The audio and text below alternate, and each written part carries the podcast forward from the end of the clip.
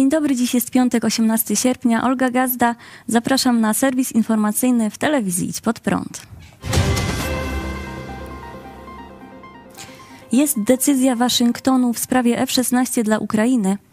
Amerykański sekretarz stanu Antony Blinken poinformował, że Stany Zjednoczone zatwierdziły przekazanie samolotów F-16 Ukrainie natychmiast po tym, gdy ukraińscy piloci ukończą niezbędne szkolenia. Ukraina starała się o tę zgodę, ponieważ myśliwce skutecznie pomogą w wojnie powietrznej zdominowanej aktualnie przez lotnictwo rosyjskie. Dania i Holandia są krajami, które przewodzą w programie szkoleniowym ukraińskich pilotów. Kilka tygodni temu władze obu państw poprosiły Waszyngton o jasną deklarację w sprawie przekazania maszyn. Antony Blinken wycofał, wysłał oficjalne noty do swoich duńskich i holenderskich odpowiedników z zapewnieniem, że prośba została zaakceptowana. Pisze, by wyrazić pełne wsparcie Stanów Zjednoczonych zarówno dla przekazania myśliwców F-16 Ukrainie i dla szkoleń ukraińskich pilotów, poinformował w dokumencie Blinken i dodał, że ukraińska zdolność do bronienia się przed trwającą rosyjską agresją pozostaje kwestią krytyczną. Ukraina może wykorzystać pełnię nowych możliwości tak szybko, jak tylko pierwsi piloci ukończą szkolenie, dodał szef amerykańskiej dyplomacji. Prezydent Stanów Zjednoczonych Joe Biden zatwierdził programy szkoleniowe dla ukraińskich pilotów już w maju, ale oczekiwano jednak na ostateczną decyzję dotyczącą przekazania maszyn, które mogą odmienić losy wojny. Sejm podjął ostateczną decyzję w sprawie referendum. Sejm bezwzględną większością głosów podjął uchwałę o przeprowadzeniu ogólnokrajowego referendum. Za przyjęciem uchwały głosowało w czwartek 226 posłów, przeciw było 210.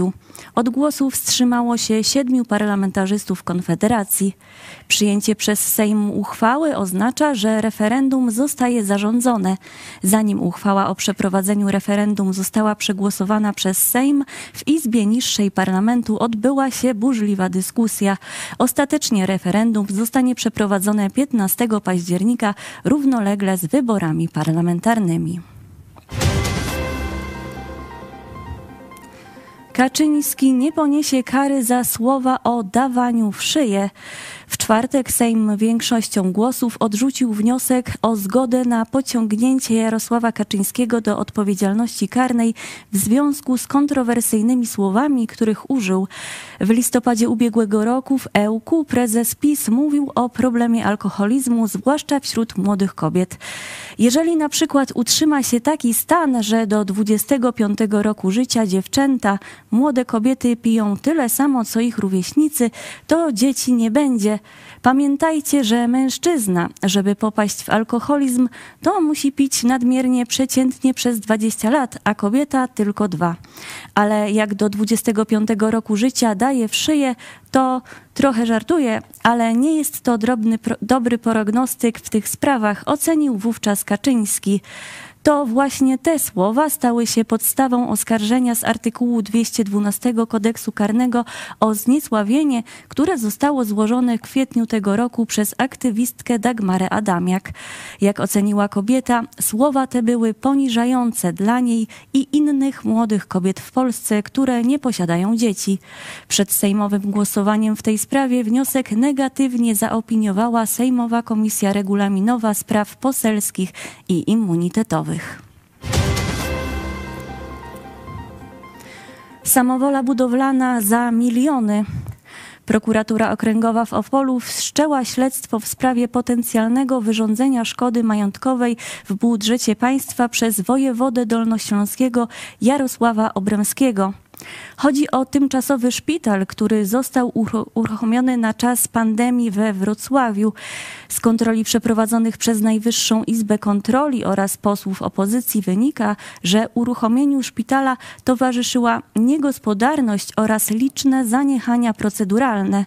Już w styczniu tego roku Najwyższa Izba Kontroli w wydanym w tej sprawie raporcie informowała, że aktywność wojewody związana z przygotowaniem inwestycji była chaotyczna, i nie została poprzedzona rzetelną analizą. W toku realizacji przedsięwzięcia wystąpiły nieprawidłowości, w świetle których należy uznać szpital tymczasowy za wybudowany w warunkach samowoli budowlanej, wynika z raportu NIK-u. Ustalono również, że wojewoda świadomie akceptował i realizował prace związane z uruchomieniem szpitala w oparciu o zaproponowane przez przedsiębiorcę stawki, które w istotny sposób odbiegały od średnich stawek rynkowych. W konsekwencji doprowadziło to do zawyżenia kosztów budowy o około 11 milionów złotych. Późniejsze ustalenia kontrolerów NIK, MSWiA oraz posłów Michała Szczerby i Dariusza Jońskiego z Koalicji Obywatelskiej dowiodły, że inwestycje można było zrealizować kilku in, w kilku innych lokalizacjach lepszych z punktu widzenia organizacji i kosztów. Co więcej, powierzenie organizacji szpitala prywatnej spółce miało doprowadzić do szeregu nieprawidłowości, z których za najpoważniejsze uznano zawyżenie kosztów wykonywanych prac i wybudowanie dwóch dodatkowych hal, które miały nie być później w ogóle wykorzystywane. Jak informuje Onet, spółka DCC, która jest właścicielem budynków, w których zorganizowano szpital, należy do grupy biznesmenów z Ząbowisk Śląskich uchodzących za dolnośląski bastion byłego szefa kancelarii premiera Michała Dworczyka. Pełnomocnikiem wojewody do spraw organizacji szpitala był Maciek Bluj, wieloletni znajomy Mateusza Morawieckiego jeszcze z czasów szkolnych i członek tworzonej przez jego ojca Kornela podziemnej Solidarności Walczącej. Białoruski desant przy polskiej granicy. W czwartek śmigłowiec białoruskich sił zbrojnych zrzucił skoczków spadochronowych w pobliżu granicy z Polską. Białorusini przeprowadzili ćwiczenia desantowe na poligonie w pobliżu Brześcia, który znajduje się w odległości 3-4 km od Bugu. Rzeka w tym rejonie oddziela terytorium Polski i Białorusi. Świeżo upieczeni porucznicy wykonali już skoki spadochronowe i wyruszyli w 15-kilometrowy marsz, poinformowało w czwartek rano Ministerstwo Obrony Białorusi. Kilkadziesiąt minut wcześniej białoruskie MON poinformowało o wspólnych ćwiczeniach i szkoleniach wojskowych z armią chińską. Ćwiczenia przeprowadzają spadochroniarze z 38. Brzeskiej Brygady Desantowo-Szturmowej. Przez kolejne pięć dni żołnierze mają doskonalić skoki ze spadochronem oraz działania wojskowe na terenie zrzutu. Polskie władze uważnie monitorują sytuację na polsko-białoruskiej granicy. Od początku sierpnia funkcjonariusze Straży Granicznej są wspierani przez Wojsko Polskie. Wzmożona e, kontrola granicy jest wynikiem incydentu, do którego doszło 1 sierpnia w Białowieży. Dwa białoruskie śmigłowce wleciały wówczas nad terytorium naszego kraju, naruszając polską przestrzeń powietrzną. Mimo to, mimo że wojsko początkowo sugerowało, że śmigłowce nie przekroczyły granicy, to polskie Ministerstwo Obrony Narodowej potwierdziło później, że doszło jednak do nieuzasadnionego naruszenia polskiego nieba. Policjant żąda blisko milion złotych odszkodowania. Robert Kolasa domaga się 950 tysięcy zadośćuczynienia za niesłuszny areszt, zniszczoną karierę, informuje Gazeta Wyborcza. Siedem lat temu, gdy pełnił służbę dzielnicowego, został pomówiony przez handlarza narkotyków. 13 grudnia 2016 roku na oczach kolegów został zakuty w kajdanki i doprowadzony do aresztu, w którym usłyszał, że rzekomo miał działać jako gangster w policyjnym przebraniu.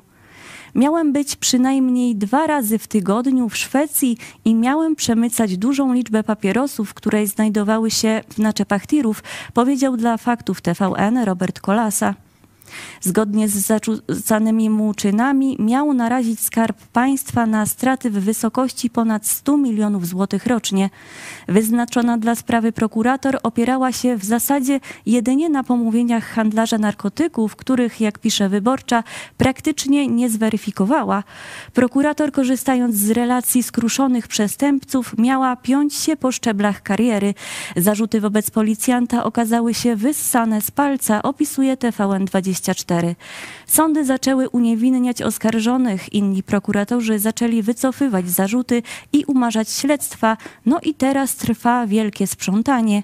Łączna suma zadośćuczynień i odszkodowań w sprawach, które prowadziła pani Nowicka, wynosi 2 miliony złotych, tłumaczy Piotr Żytnicki, dziennikarz Gazety Wyborczej. Poszkodowany policjant tłumaczy, że sprawa nie tylko zniszczyła mu karierę zawodową, przyczyniła się również do zachorowania na depresję. To jest 219 dni, które pani prokurator Nowicka zabrała mi z życia, podsumował mężczyzna. I to już wszystko w dzisiejszym wydaniu serwisu informacyjnego, a jeszcze dziś zapraszamy do telewizji Iść Pod Prąd na dogrywkę. Minister Ardanowski opis. Przyrzeknijmy, że więcej grzeszyć nie będziemy. Zapraszamy.